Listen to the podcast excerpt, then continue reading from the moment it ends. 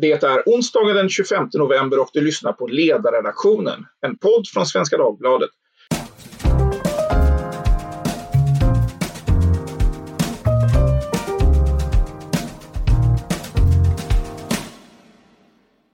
Jag heter Fredrik Johansson och idag kommer vi att prata om den så kallade nya gymnasielagen och de förändringar som regeringen nu lägger på bordet.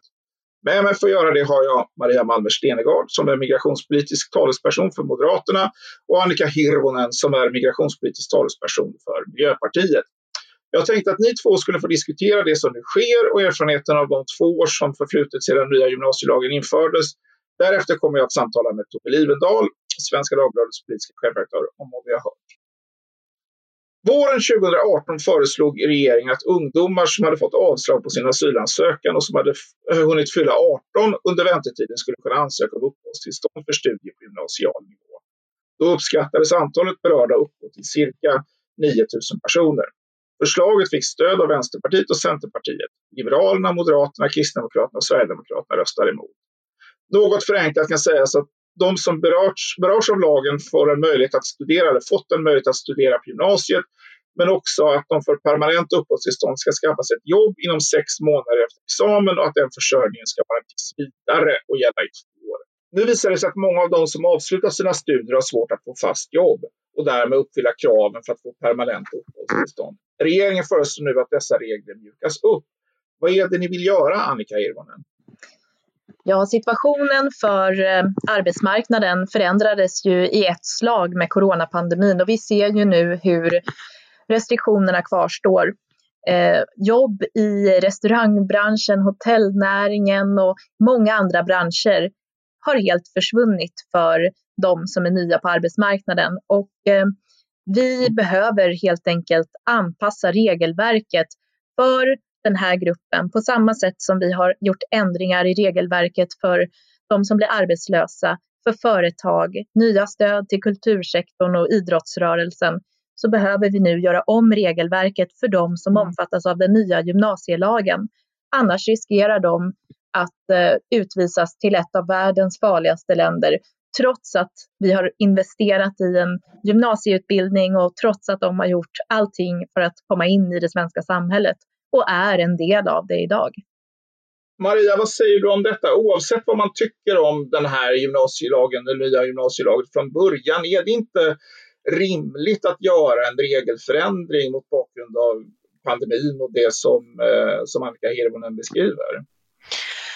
Alltså till att börja med så vill jag ju säga att det här är en grupp som har farit väldigt, väldigt illa eh, och jag tycker att det vilat mycket stort ansvar på dem som har valt att driva igenom det här regelverket och även om man bortser att det finns på plats så tycker jag också att man ska tänka igenom sådana här förslag för det riskerar ju att återigen tända hopp som sen släcks eh, framöver när man inte kommer kunna leva upp till de nya modifierade kraven heller. Men när det gäller ursäkten corona då så eh, ska vi vara medvetna om att vi har ju hört den här, eh, det här önskemålet från Miljöpartiet, Centerpartiet, Vänsterpartiet långt innan pandemin slog till. Så det här är ju bara en förevändning för att genomföra förändringar i det här regelverket. Annika, är detta en förevändning bara? Hade ni velat göra detta ändå? Eh, om Miljöpartiet hade fått bestämma helt själva, då hade vi ju inte behövt ett sånt här regelverk från första början.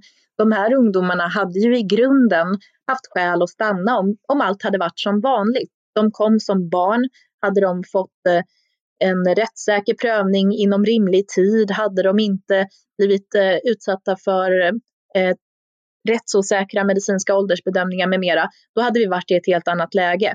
Men att förneka att pandemin har ändrat hela spelplanen för eh, de här ungdomarnas möjlighet att skaffa sig arbete, eh, det kan man inte göra, utan det här är ett enormt problem. Många har eh, studerat inom till exempel hotell och restaurang, handel och eh, de jobben finns just nu inte. Många företag eh, gör inte eh, nyanställningar, i vart fall inte på långa kontrakt. Och den här första ändringen som vi remitterar nu den här veckan, den går ju ut på att kravet på hur lång anställningen ska vara för att anses vara varaktig kortas från minst två år till minst ett år. Och det tror jag kommer spela stor roll därför att det är många fler i det här krisläget som ändå vågar anställa eh, ett år, men kanske inte två. Men, det, men, du menar att det är realistiskt att tro att de här personerna kommer att kunna landa ett arbete med ett års anställning som då, men som inte skulle klara av att landa ett arbete med två års anställning? Du tror att detta kommer spela substantiell roll för hur många? Ja, jag tror att det kommer göra det, men Eh, vi har ju också fler förändringar på gång. Det är förändringar som kommer ta längre tid därför att det är ändringar i själva lagen och det kan inte regeringen besluta själv om utan det måste gå till riksdagen. Så den här första ändringen, den kommer på plats fort nu för att eh, kunna omfatta de som gick ut gymnasiet i våras, i juni. Men eh, det är klart att vi skulle behöva få på plats också den här längre söktiden så att vi förlänger från sex månader till tolv månader. Och även möjlighet att uppfylla försörjningskravet eh, delvis genom studier eh, på samma sätt som väldigt många andra just nu som är korttidspermitterade eller arbetslösa eh, fokuserar på att plugga på någon av alla de utbyggda utbildningsplatserna som regeringen har inrättat. Så ser vi ju att även den här gruppen eh, att det skulle vara ett alternativ, att man helt enkelt när arbetsmarknaden är tuff då bygger man på mm. sin kompetens så att man komma, kan komma ut starkare efter krisen. Men de sakerna kommer ta längre tid.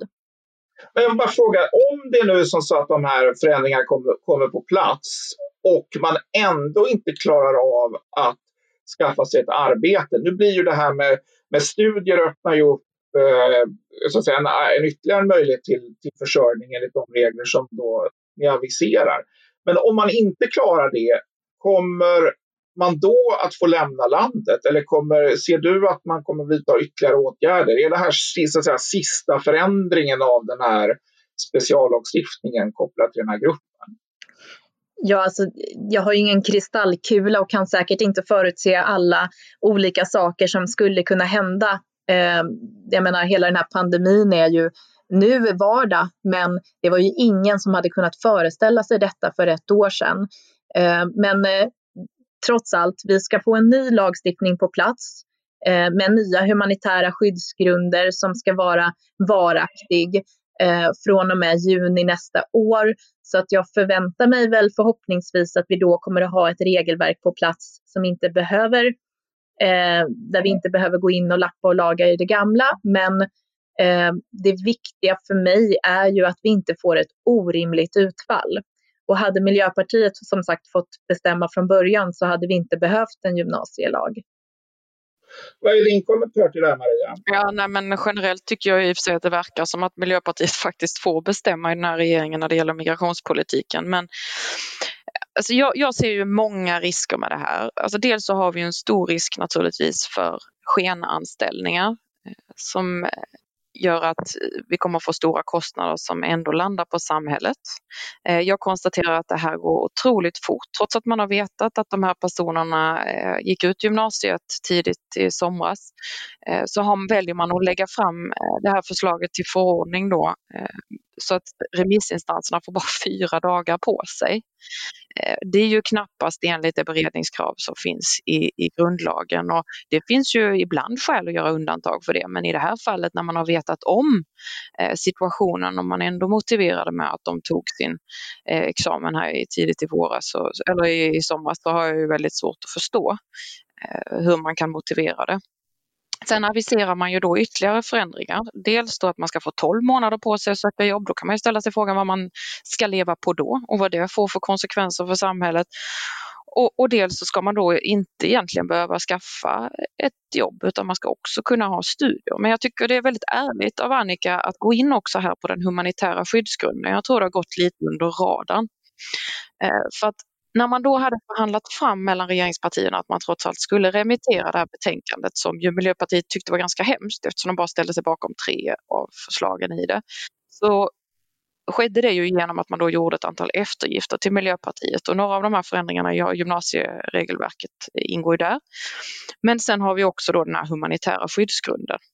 Och då innebär ju det att Socialdemokraterna plötsligt ställer sig bakom den mest generösa humanitära skyddsgrund vi har haft någonsin i Sverige. Och tanken med den, som är så speciellt, det är ju att det ska inte längre krävas synnerliga skäl för vuxna för att få stanna här, även om de inte har skyddsskäl. Utan det ska räcka med särskilda skäl och det vet ju alla att det är en ganska stor skillnad. Så att min bedömning är att om de inte klarar eh, något av de här, eller om de inte klarar de här uppluckrade kraven som, som finns nu och som komma skall, då kommer de ändå få möjlighet att stanna med stöd av den här humanitära skyddsgrunden som man då hoppas ska komma på plats i sommar. Innebär att vi går mot en Ja, vad är din kommentar till det här eh, Annika? Vad är risken, den här risken för att vi kommer se skenanställningar för att eh, nå de här målen? För det första. För det andra, ligger det någonting i det här som Maria säger att, att de förändringar som ni nu har fått igenom eh, för att remittera eh, kommitténs förslag, då att vi har fått igenom med Socialdemokraterna, att det kommer göra att den här gruppen kommer att fångas upp av, av andra nya regler som då träder i kraft under nästa år. När det kommer till det här med skenanställningar så är det ju så att det måste ju vara ett riktigt jobb. Du ska alltså ha fått det här jobbet och skicka in ett anställningskontrakt och det, eh, det skiljer sig på det sättet från till exempel eh, när du kommer som arbetskraftsinvandrare och det du skickar in är ett erbjudande om anställning. Så att här finns det ju helt andra möjligheter att faktiskt kontrollera att det är en riktig anställning. Eh, så att det inte ska vara möjligt att göra skenanställningar. Eh, sen vad gäller hur det blir framöver, ja men jag tror att det är väldigt svårt att säga. Vi har fortfarande inte sett eh, formuleringarna kring den här nya humanitära skyddsgrunden. Men syftet med den är ju faktiskt att eh, komma åt några av orimligheterna i kommitténs förslag. Eh, kommittén föreslår ju tidsbegränsade uppehållstillstånd som huvudregel och att man kan få tidsbegränsade uppehållstillstånd på två års tid som förnyas som längst i 50 års tid. Och det här skulle kunna leda till en situation där en person kommer som flykting från ett krig, till exempel Syrien, och lever här i 30 års tid. Barnen blir vuxna. Det finns inte längre någon kvar i Syrien som man kände. Och sen tar kriget slut. Förhoppningsvis gör det ju det en vacker dag. Och då när man söker om förnyat uppehållstillstånd, om man då inte har uppfyllt de här väldigt hårda nya kraven, ja då kan man få nej och efter 30 års tid behöva åka tillbaka till Syrien trots att allt man har finns i Sverige. Och det är den här typen av situationer bland annat som det måste finnas en lösning för när personer har varit väldigt länge i Sverige. Och även situationen när barn återförenas med sin familj i tonåren i Sverige, man går i skolan här, fyller 18 år innan man har hunnit få ett permanent uppehållstillstånd, ja, då riskerar vi att på löpande band se utvisningar av ungdomar som precis har tagit studenten bort från hela resten av sin familj. Likt det här uppmärksammade fallet med Valeria som eh, blev utvisad efter studenten eh, trots att hennes familj var kvar här. Eh, för när man är 18 då har man inte längre rätt till familjeåterförening. Och det här systemet med tidsbegränsade uppehållstillstånd eh, som grund, eh, det får då den här typen av konsekvenser som vi faktiskt i kommittén inte ens hade uppe på bordet och diskuterade. Eh, så eh, det är framförallt en lösning på eh, den typen av situation. Jag ska låta Maria kommentera det här också. Hur ser du på det här resonemanget som Annika för nu? Men vi är ju överens om att det behövs en humanitär skyddsgrund men vi menar ju att den måste vara mycket, mycket smal. Eh, och träffa de mest flagranta fallen. Med de formuleringar som regeringen skissar på nu så kommer den att bli väldigt bred. Eh, och det vi ska vara medvetna om är att det sänder ju också en signal tillsammans med det här ryckiga regelverket eh, som vi har inom gymnasieregelverket då, ehm, sänder ju signaler om att man ska komma till Sverige för här är regelverket mer generöst och även om du får nej så ska du klamra dig fast för förr eller senare så kommer det komma en regeländring som gör att du får stanna. Det gör att vi får det, den typen av orimliga tryck mot oss och som våra, vårt samhälle inte klarar av. Eh, och det som hände då 2015 och det får ju inte upprepas. Och jag trodde att vi var överens med Socialdemokraterna om det. De ställde sig också bakom en mycket mer stram humanitär skyddsgrund i migrationskommittén. Men nu har de plötsligt då eh, är de beredda att svänga totalt. Jag skulle säga spontant, alltså när det gäller reglerna för tillfälliga uppehållstillstånd så tycker jag fortsatt att det är fullt rimligt att man förväntar sig att man kommer hit så ska man lära sig svenska språket, man ska göra allt man kan för att kunna försörja sig. Men, men att det naturligtvis i alla rimliga regelverk också finns undantag för den som är mycket gammal eller, eller har en funktionsnedsättning. Men, men det som, som Annika eh, och Miljöpartiet vill göra är ju snarare att avreglera den svenska invandringen och där skiljer vi oss ganska mycket åt jag tänkte, det här, att det är ju väldigt ryckigt det här. Och du kan ju säga det Annika, att ni hade ju velat något annat här. Men det, det finns ju något väldigt ad hoc-mässigt över hela det här, det, hela det här lagstiftnings, ska säga, paketet kopplat till, till, till gymnasielagen, hur den har förändrats och så. Vad, vad är din bedömning av vad det gör med trovärdigheten för det svenska asylsystemet? Alltså, vad, vad, vad skickar det här för någon signal att en grupp som då eh, egentligen inte skulle ha fått stanna här då eh, får den här typen av regelförändringar på regelförändringar på regelförändringar. Eh, du ser ingen risk i det att, att trovärdigheten i svensk asylpolitik påverkas? Också? Det här började ju egentligen för fem år sedan när den tillfälliga lagen kom och i ett slag egentligen förändrade förutsättningarna för väldigt många. Tanken då var ju att de som kom som barn skulle omfattas av det regelverket som gällde tidigare. De som hade kommit innan den tillfälliga lagen började gälla, de skulle inte påverkas.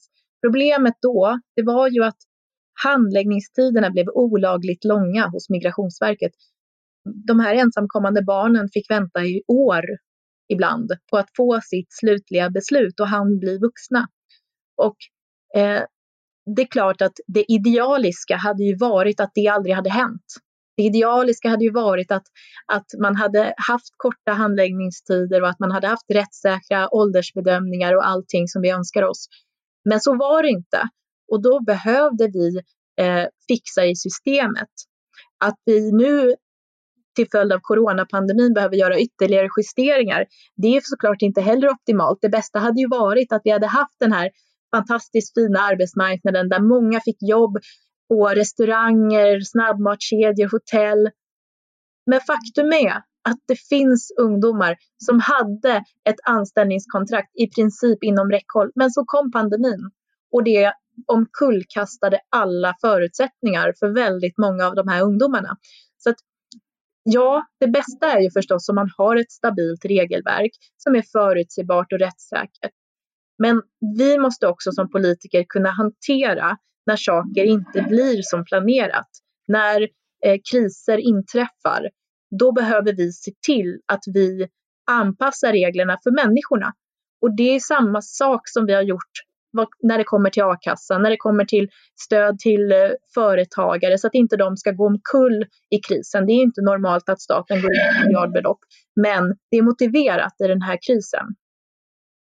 Men jag, en annan sak jag funderar över som du också säger, det är att eh, som jag tror också sagt i andra intervjuer, att det här också handlar om att vi inte ska skicka tillbaka de här personerna till ett av världens farligaste länder. Men gör du en annan bedömning där då än vad, än vad, vad Migrationsverket gör? Ja, det, det kan man nog säga att vi gör. Alltså Afghanistan, vår uppfattning i Miljöpartiet är ju att Afghanistan inte är eh, ett eh, säkert land. Eh, vi tycker inte att det är rimligt att man utvisar ensamma ungdomar. Många av dem har inte ens bott i Afghanistan eller bara bott där när de var väldigt små eh, och flydde därifrån med sina familjer till Iran. Eh, och att skicka tillbaka dem, eh, det, det, innebär jättestora risker för, för de här ungdomarna.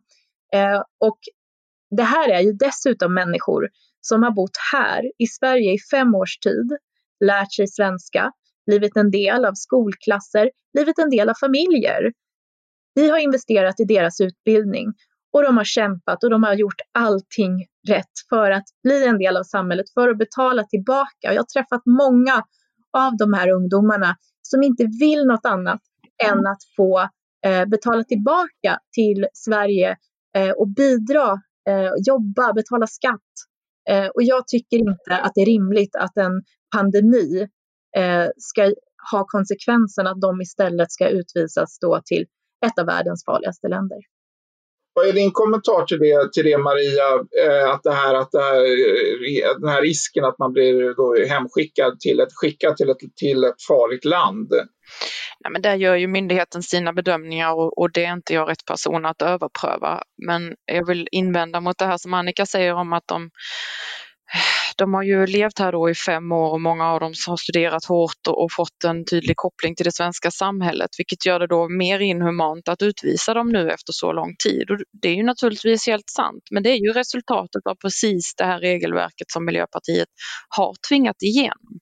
Och jag vill också bemöta det här med att, att de har hamnat i kläm, ett resultat av den tillfälliga lagen. Men vi får inte glömma att den tillfälliga lagen är ett resultat av precis den orimliga eh, invandringspolitik som Miljöpartiet nu i rask takt vill ta oss tillbaka till. Och då riskerar vi ju återigen att hamna i en helt ohållbar situation. Och att man inte kan se den risken och att man har glömt så snabbt, det gör mig uppriktigt bekymrad. Jag har bara en kort fråga också kopplat till det här med, med remisstiden. För att jag tycker ändå att det ligger någonting i det här. Det här är ju, pandemin har pågått sedan i mars och Eh, det här kan ju inte komma som en överraskning för, eh, för regeringen att, att eh, den här gruppen skulle få svårt att få arbete under de här förutsättningarna. Eh, och det här ges nu fyra dagars remisstid. Vad är, hur, hur, kan man, hur, hur förklarar och försvarar man det, Annika Hirvonen? Ja, min bild är att justitiedepartementet har jobbat stenhårt med att få fram det här förslaget efter det att vi gjorde den här uppgörelsen i samband med remitteringen av migrationskommitténs betänkande. Eh, och precis som många andra krisåtgärder så är det väldigt kort remisstid, men bedömningen är ändå att man uppfyller beredningskravet som finns.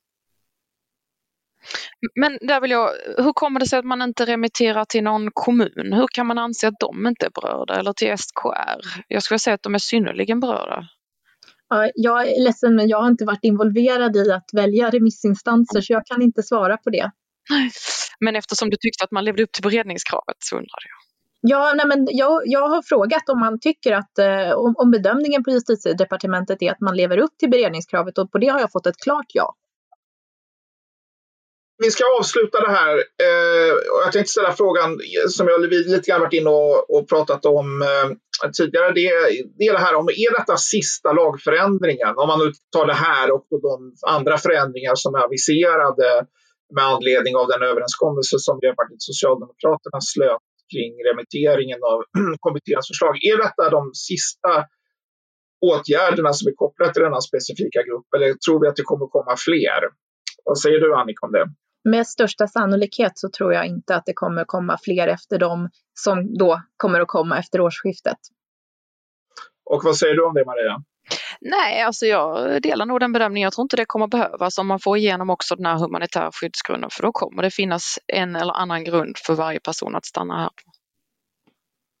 Tack så mycket och tack för ett bra samtal. Vi lär väl kunna få återkomma till den här frågan eh, även senare. Mm. Eh, Ja, jag tänkte nu släppa in Tove Livendal efter att vi har hört på eh, Maria Malmer Stenegard och eh, Annika Hirvonen. Ja, Tove, vad säger du när du lyssnar på det här samtalet? Ja, jag tycker ju att det är, eh, det är förväntat att vi är i det här läget och bara den mest fantasilösa behöver, hade liksom behövt en, en coronapandemi för att inse att vi skulle kommit till det här läget i alla fall. Nu är det sant som Annika Hirvonen säger att arbetsmarknaden har blivit svår för väldigt många och inte minst de med lägre kvalifikationer eh, och att det är massa jobb som har försvunnit. Det är helt korrekt. Men eh, det faktum att vi har en grupp som har väldigt svårt att eh, få stanna och under dem också villkor som en gång skrevs i, i nya gymnasielagen, det, det hade man kunnat räkna ut. Det är inte överraskande att vi är här, men det är beklagligt. Ja, det känns ju inte helt långsökt att tro att man hade hittat ett annat skäl om inte pandemin hade varit. Nej, och det är väl, jag menar, där är ju Annika Hirvonen hederlig med hennes och eh, Miljöpartiets ståndpunkt att det är ju ett parti som gärna skulle se en amnestilösning och där, där kan jag ju själv, det har jag sagt hela tiden, att det hade varit hederligare om man hade föreslagit det för eh, i, ja, för flera år sedan istället för att hålla på och kupera svansen på det här sättet. Därför att vad som sker också för varje flyttning eller varje tillägg eller varje omskrivning, det är ju att du fortsätter att gröpa ur hela fundamentet när det gäller trovärdigheten för asylpolitiken. Så det, det som nu sker är ju någon form av pågående ständig förhandling mellan ett parti som eh, eller rättare sagt mellan två partier, de som sitter i regeringen, som står väldigt långt ifrån varandra i frågan och där resultatet blir att vi får ett lapptäcke eh, som, ja, jag vet inte, det, det jag, jag, jag har använt slut på alla ord för att beskriva graden av principlöshet som det här har varit från början till slut. Eh, och det som händer nu är ju resultatet av den överenskommelse som bara slöts för någon, eller ett antal veckor sedan mellan Miljöpartiet och Socialdemokraterna. Och det handlar ju om, om regeringens möjligheter att överhuvudtaget få ut Migrationskommitténs förslag på remiss. Och för att Miljöpartiet ska gå med på det har ju då Socialdemokraterna redan så att säga, innan den, eh, kommitténs förslag går ut på remiss förhandlat bort ett antal frågor, då, inklusive, inklusive det här, eller förhandlat bort det med fel ord, men, men det, har, det har kompromissats redan nu. Så att ett, en förklaring till den här korta remisstiden är ju att, är ju att eh, eh överenskommelsen mellan, mellan koalitionspartnerna i regeringen eh, inte, inte slöts förrän, eh, förrän, förrän ganska nyligen. För att, att pandemin, om man nu köper argumentet att pandemin får den här konsekvensen för möjligheterna för den här gruppen att, uh, att skaffa sig jobb så hade vi ju vetat det redan i uh, somras. Mm, absolut. Så det är en, det är en polit, politiskt är det ju en, är det ju en soppa med kan man säga, med flera olika, olika dimensioner. Där, där, det är ju alldeles riktigt att eh, Annika Hirvonen är ju ärlig och säger vad, vad Miljöpartiet tycker. Men det är ju så att säga det sättet det här processas fram komplicerar ju eh, migrationspolitiken ytterligare. Mm. Jo, men så är det. Och det är ju det är väl det som är... Det, det, det vore hellre att mer ta ett renodlat aktivistspår och säga att vi kommer att göra vad det krävs för att försöka få den här gruppen att eh, stanna med permanenta uppehållstillstånd. Eh, och vi kommer att utforska alla vägar, för så tänker en aktivist. Jag har varit i den rollen själv och jag vet precis hur man tänker. Eh, och det är ju det, det är försvarbart ur en aktivists synpunkt, men som lagstiftare så tycker jag man måste ålägga sig andra krav. Och där handlar det också om att eh, inte bara helt igenom hitta en transparens och en tydlighet, principer som kan förstås och uppfattas som logiska oavsett vilken, om man befinner sig i den berörda gruppen eller utanför. Men det handlar också om en, en, en renhårighet mot de personer som faktiskt har eh, accepterat de eh, beslut som har kommit tidigare och, och följt dem. Det jag vet att vi hade Mustafa Panshiri med i podden tidigare. Vi diskuterade de här sakerna och han har ju då till landsmän sagt att ja, men har ni fått avslag då måste ni lämna landet. Och de personerna har gjort det och sitter nu på avstånd och undrar, borde vi ha varit kvar? Borde vi ha försökt gömma oss eller, eller liksom hanka oss kvar och levt i ett skuggsamhälle ett tag för att få chansen? Och det är ju den sortens otydlighet som gör att Sverige tappar, man liksom tappar ju respekten för att, det, att politiker klarar av att fatta beslut och att hålla fast vid dem och att de är mer hållbara än bara något halvår i taget. Nej, och en viktig förklaring till det ligger väl i, i att eh, de två regeringspartierna har i grunden olika uppfattningar här och det är svårt, det är svårt att, att legera, legera ihop en uppfattning som är väldigt aktivistisk mot, eh, med den socialdemokratiska som då försöker att hitta, eh, hitta en väg som ligger kanske närmare Moderaterna och andra partier i den här frågan. Så det är klart att det, blir, det gör ju att det, det, är väl, det är oförenliga positioner och det gör också, eh, förklarar också att de lösningar som ramlar ur systemet blir väldigt adokratiska och eh, ofta ganska märkliga. Jag tror att det är en viktig, en viktig förklaring. Att det, var ju, det var ju så att våren 2018 så hotade ju Miljöpartiet att lämna regeringen på den här frågan. Uh, och då var man ju tvungen att hitta en lösning och då blev lösningen att uh, man skulle ge möjligheten för de här, de här personerna att, uh, att gå i skolan. Men precis som du säger att redan då eh, var det ju, visste man att det här skulle skjuta frågan framåt. Vad händer då när de här personerna blir klara med skolan och så vidare. Och det är exakt det som, som också, också har hänt. Så att den här oförenligheten och Miljöpartiets stora inflytande över regeringens migrationspolitik gör att själva exekveringen eller, eller utförandet av politiken också blir, eh, blir väldigt konstig. Och det är, väl, det är väl det vi har sett i den här frågan under, under så här lång tid. Tror du att det här är sista lagändringen i den här frågan? Är det, kommer vi att se mer? Eller är, de var ju överens faktiskt där på slutet om att, om att mer kommer nu inte behövas och Maria Malmer sa ju att om den här nya, eh, nya grunden kommer att eh, införas så kommer den, här, den, den del av den här gruppen som som är berörd och som inte får jobb att ändå sättas upp av den. Vad är din, vad är din bedömning här? Är det här sista, sista kapitlet i den här frågan? Eh, det beror väl på vad som händer eh, också i riksdagen. Eh, det finns ju, tror jag, en majoritet för en annan linje. Så det är väl det, det, det beror på liksom vad riksdagen säger. Den här, I det här fallet, den här korta remissen, där, har ju, där är ju riksdagen rundad, så att säga. Där använder man ju ett annat sätt att ta sig fram.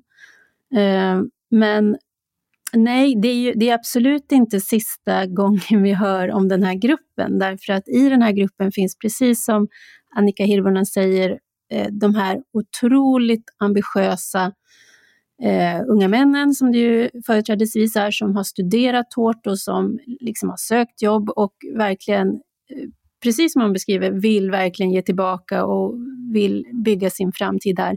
Men i gruppen så finns ju också personer som inte riktigt kommer att ha de förutsättningarna och där, där eh, det finns en konsekvens av det som precis som Maria Malmö Stenergard är inne på kommer att bli väldigt kännbara för de kommuner där de bor eller där de väljer att uppehålla sig. Så att det finns ju en, en effekt av, eh, av det här och att man dessutom har hållit personer i limbo under fem års tid. Det gör väldigt mycket för förutsättningarna att, att eh, klara en bra integration. Och i vissa fall så finns det nätverk och stöttning runt omkring och i andra fall så är det svagare med det. Så det, det, finns, det kommer inte vara sista gången vi hör om det här. Och det som jag tycker är så tragiskt, det är ju att i grunden så är det ju så att jag tycker att människor ska inte vara begränsade av den plats, kart, kart, kartmässiga plats där de råkade vara född, utan man, jag är liksom för en fri rörlighet.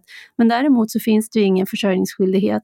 Och när det inte heller då föreligger skyddsskäl, och där är ju Annika Hirvonen och Miljöpartiet av en annan åsikt, men de svenska myndigheterna gör bedömningen att, att eh, de inte har skyddsskäl.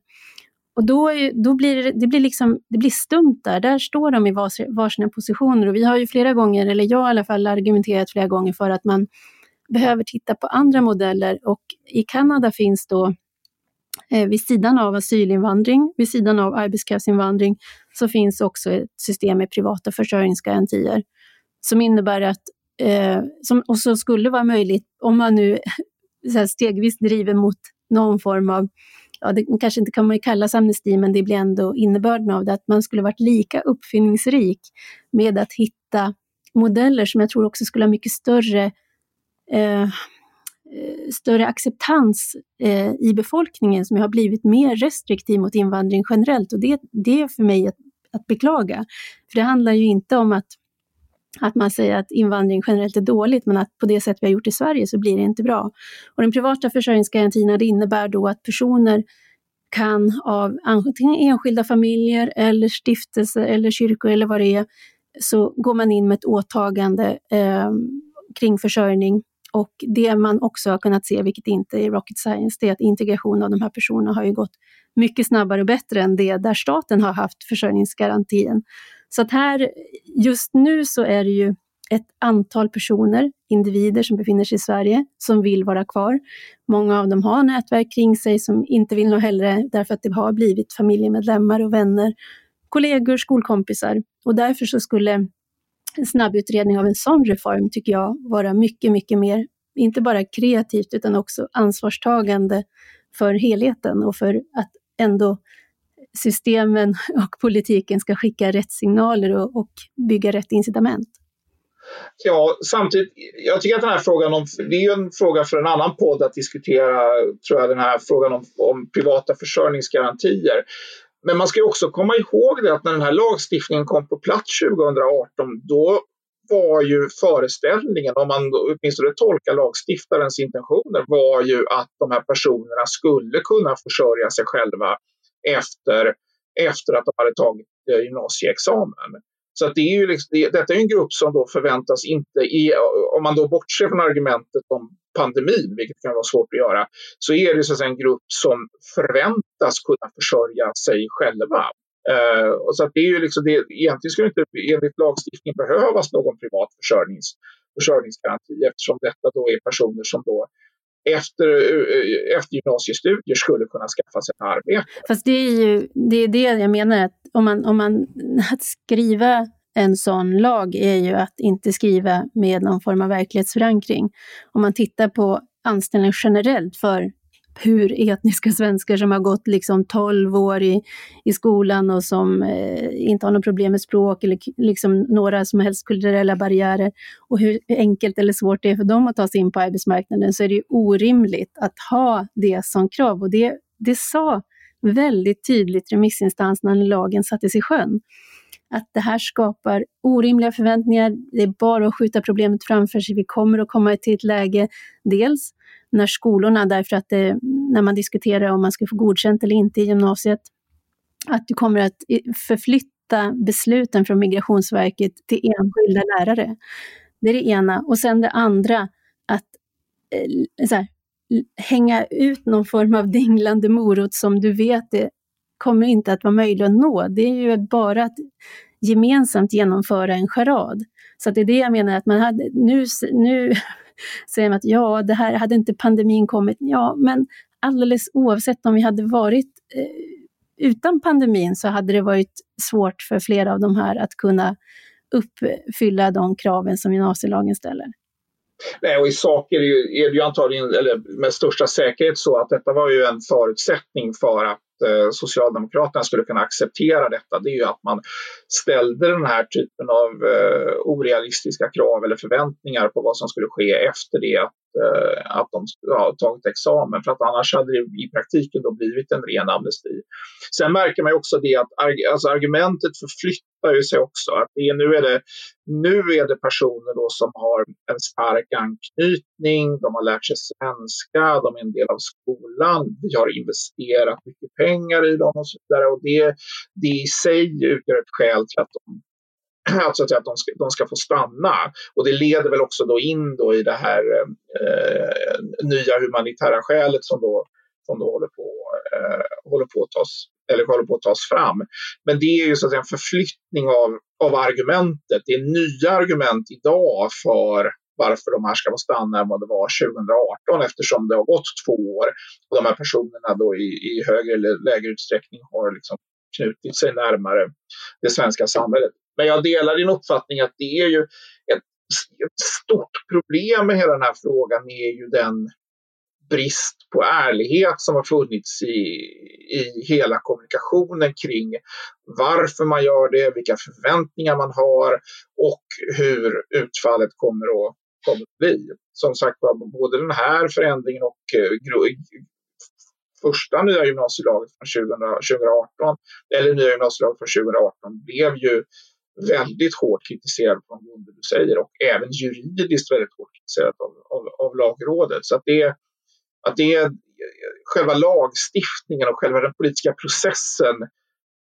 undergrävs av att man har så diametralt olika syn på detta. Då försöker man lösa problemen genom den här typen av eh, eh kan man säga, förfuskade eh, processer och, och, och eh, regleringar. Ja, men jag måste också säga här att Ja, det är en förflyttning som kommer att ske när man diskuterar vad humanitär grund är, men det är inte, en, det är inte nytt, utan det är en återgång till någonting som rådde för, för två decennier sedan, när vi hade väldigt stora volymer av asylsökande i systemet som, och väntetiderna var väldigt långa och där de flesta då som fick permanent uppehållstånd fick det på humanitär grund och de humanitära skälen var sådana som hade uppkommit under väntetiden i Sverige.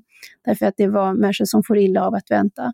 Så det är ju det är snarare att man söker sig tillbaka till den argumentation man hade tidigare och då blir det väldigt tydligt att det man måste hålla isär det, för att utifrån, och det tror jag att Helena Rivière skrev i en gästtext hos oss vid något tillfälle, att utifrån en enskildes perspektiv så är ju humanitär grund, den kan ju utvidgas hur långt som helst och det kan alla eh, vettiga människor förstå.